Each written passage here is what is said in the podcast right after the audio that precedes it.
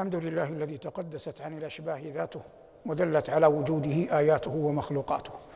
وأشهد أن لا إله إلا الله وحده لا شريك له وأشهد أن سيدنا ونبينا محمدا عبده ورسوله صلى الله عليه وعلى آله وأصحابه وعلى سائر من اقتفى أثره واتبع هديه بإحسان إلى يوم الدين وبعد. درس لقاء الليلة إن شاء الله تعالى عنوانه ذلك الفضل من الله. من سورة النساء قال العلي الكبير ومن يطع الله والرسول فأولئك مع الذين أنعم الله عليهم من النبيين والصديقين والشهداء والصالحين وحسن أولئك رفيقا ذلك الفضل من الله وكفى بالله عليما. ربما مرت علينا الآية قبل في دروس مضت لكنني أكرر ما أرجو أن يكون مقبولا في الأسماع عند تكريره وهو أننا نحاول في كل درس أن نتناول الآية من وجه غير الذي توليناه من قبل. فنقول الجملة شرطية يخبر الله عز وجل فيها عن مزيد فضله وجليل كرمه.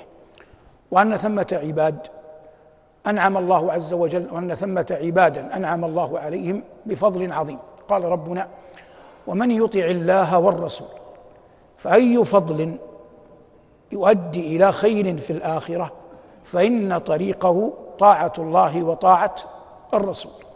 ومن يطع الله والرسول فأولئك مع الذين أنعم الله عليهم أي بالإيمان وطاعته. فأولئك مع الذين أنعم الله عليهم من النبيين والصديقين والشهداء والصالحين. ثمة طريقان في فقه الآية.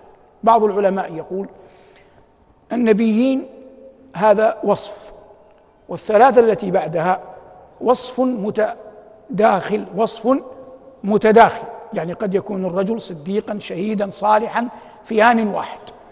وأما النبيون فهو وصف منفك عن الثلاثة التي بعده والبعض يقول لا إنما هذا عطف والأصل في الواو المغايرة. فالنبوة شيء والصديقية شيء والصلاح شيء والشهادة من قبل شيء. لكن الحق أننا رأينا أن الله يقول واذكر في الكتاب إبراهيم إنه كان صديقا نبيا فوصفه الله عز وجل بالصديقية ووصفه بالنبوة. لكننا نقول والأغلب والعلم عند الله أن كل نبي لا بد أن يكون صديقا لكن لا يلزم أن يكون كل صديق نبيا. واضح؟ قال الله عز وجل عن الصديقة مريم وأمه صديقة ويكاد ينعقد الإجماع على أن مريم لم تكن لم تكن نبية قط. واضح الآن؟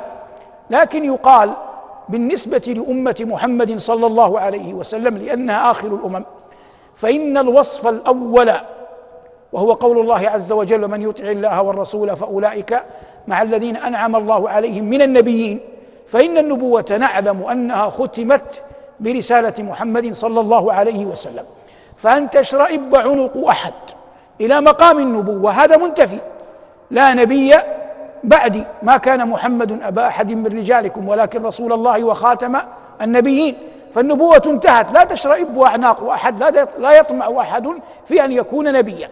لكن بقينا في الثلاث الأوصاف في المقامات التي بعد قال الله عز وجل فأولئك مع الذين أنعم الله عليهم من النبيين والصديقين والشهداء والصالحين. هذه أبوابها مشرعة إلى قيام الساعة.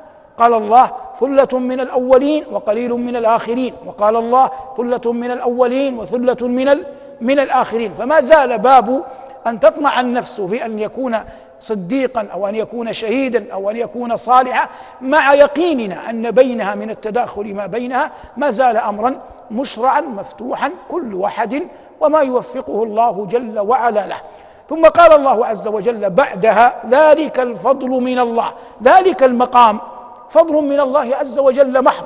وإن كان لهم شريف الأعمال وجليل الخصال وطيبات الأقوال وكمال الاعتقاد إلا أن ذلك كله مرده إلى فضل الله جل وعلا عليهم. قال الله ذلك الفضل من الله وكفى بالله عليما. الله أعلم بمن هو أهل لأن يتفضل عليه. والملك ملكه فما ظلم عبدا فما ظلم الله عبدا شيئا. قال الله عز وجل ولا يظلم ربك أحدا. وقال جل وعلا وما ربك بظلام للعبيد. لكن ينبغي أن يعلم ونحن نقرأ الآية. لما قال الله فأولئك مع الذين أنعم الله عليهم. معهم أين? في الجنة. أين معهم أين? في الجنة. لكن ليس معنى ذلك أنه معهم في الدرجة أو في المنزلة. فمنزلة النبيين ودرجة النبيين والرسل هي في نفسها تتفاوت لكن الإنسان إذا رزق كمال الاتباع وحسن الاقتداء يتأتى له يوم القيامة أن يزور ذلك أصحاب ذلك المقام الرفيع.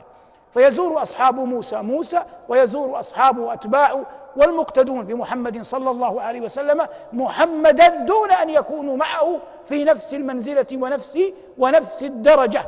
لكنه من رحمة الله جل وعلا بأوليائه بعباده من يدخلون الجنة من رحمته جل وعلا بهم لا يشعر أحد منهم أنه مفضول.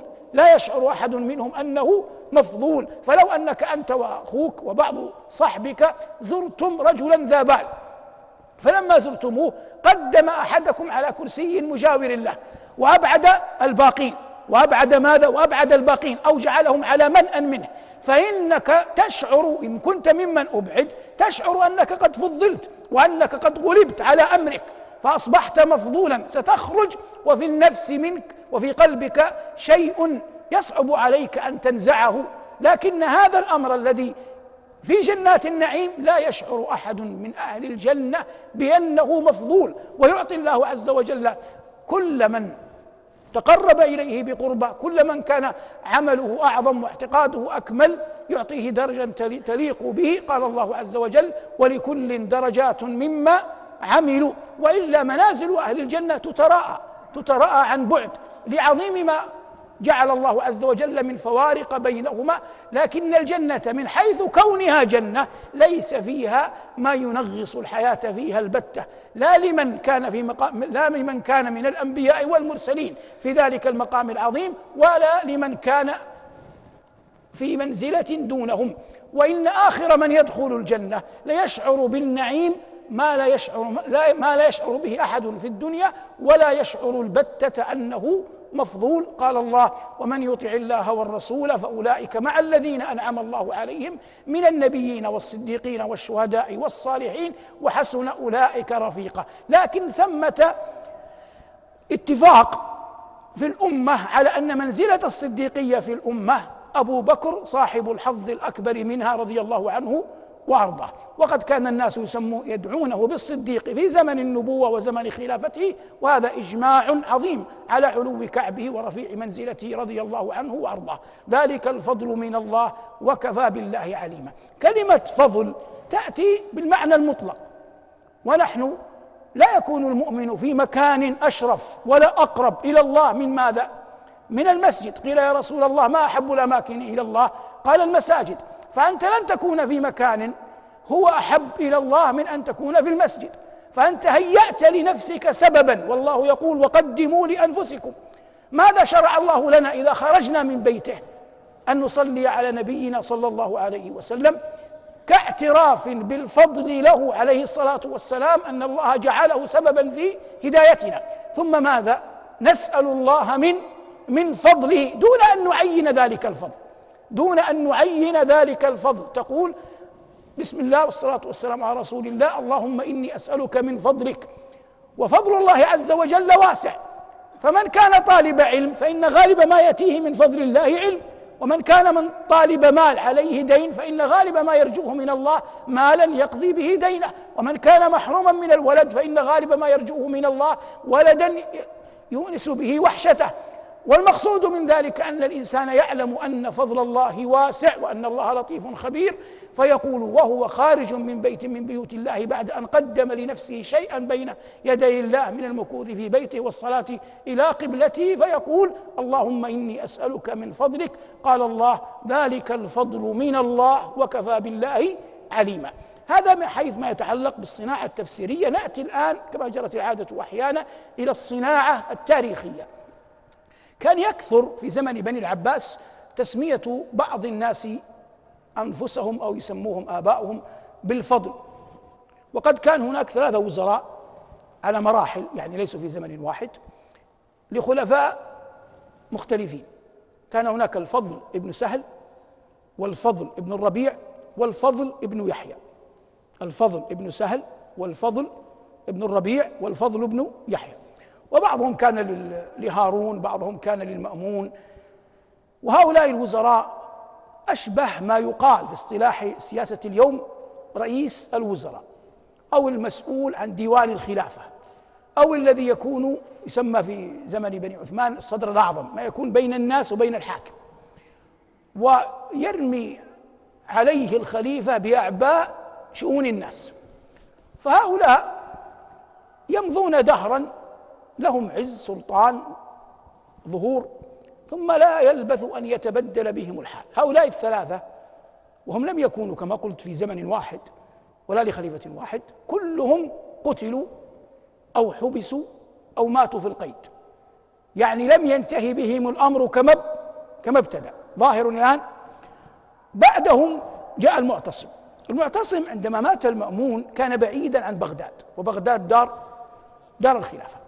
فجاء رجل اسمه الفضل بن مروان فارسي من أصل النصراني الفرس يحسنون أمور الملك سياستها يعني يصلحون في الوزارات لماذا؟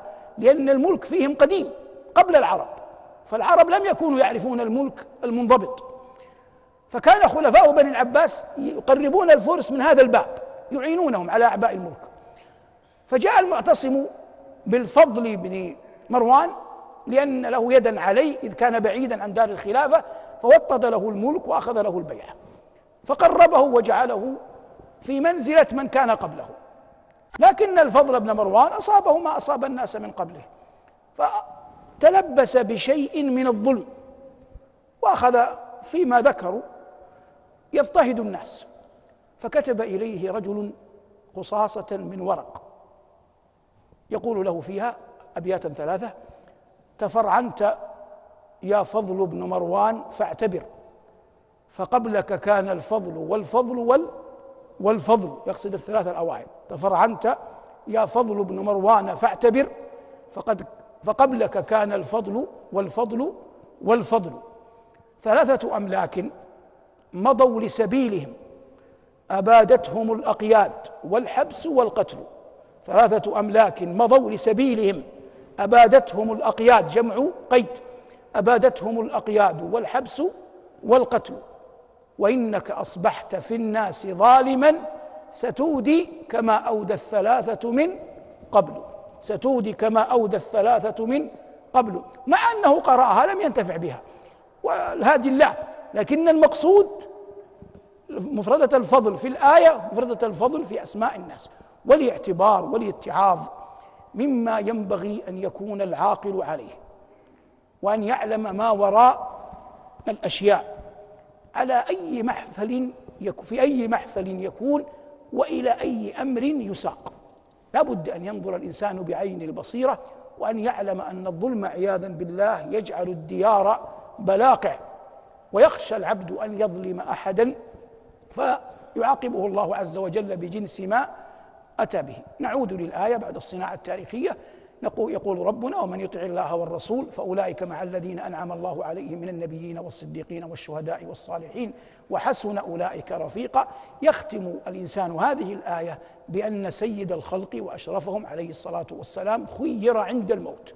يأتيه الملك يخيره كما جرت سنة الله في الأنبياء من قبله يخيرون عند الموت. فلما خير سمعته أمنا أم المؤمنين عائشة وهو يقول مع الذين أنعم الله عليهم من النبيين والصديقين والشهداء والصالحين قالت فعلمت أنه يخير ثم مالت يده وفاضت روحه إلى أعلى عليين في المحل الأسنى والملكوت الأعلى. نسأل الله بعز جلاله وكمال جماله أن يرزقنا جواره في الجنة. هذا ما تيسر والعلم عند الله وصلى الله على محمد وآله والحمد لله رب العالمين.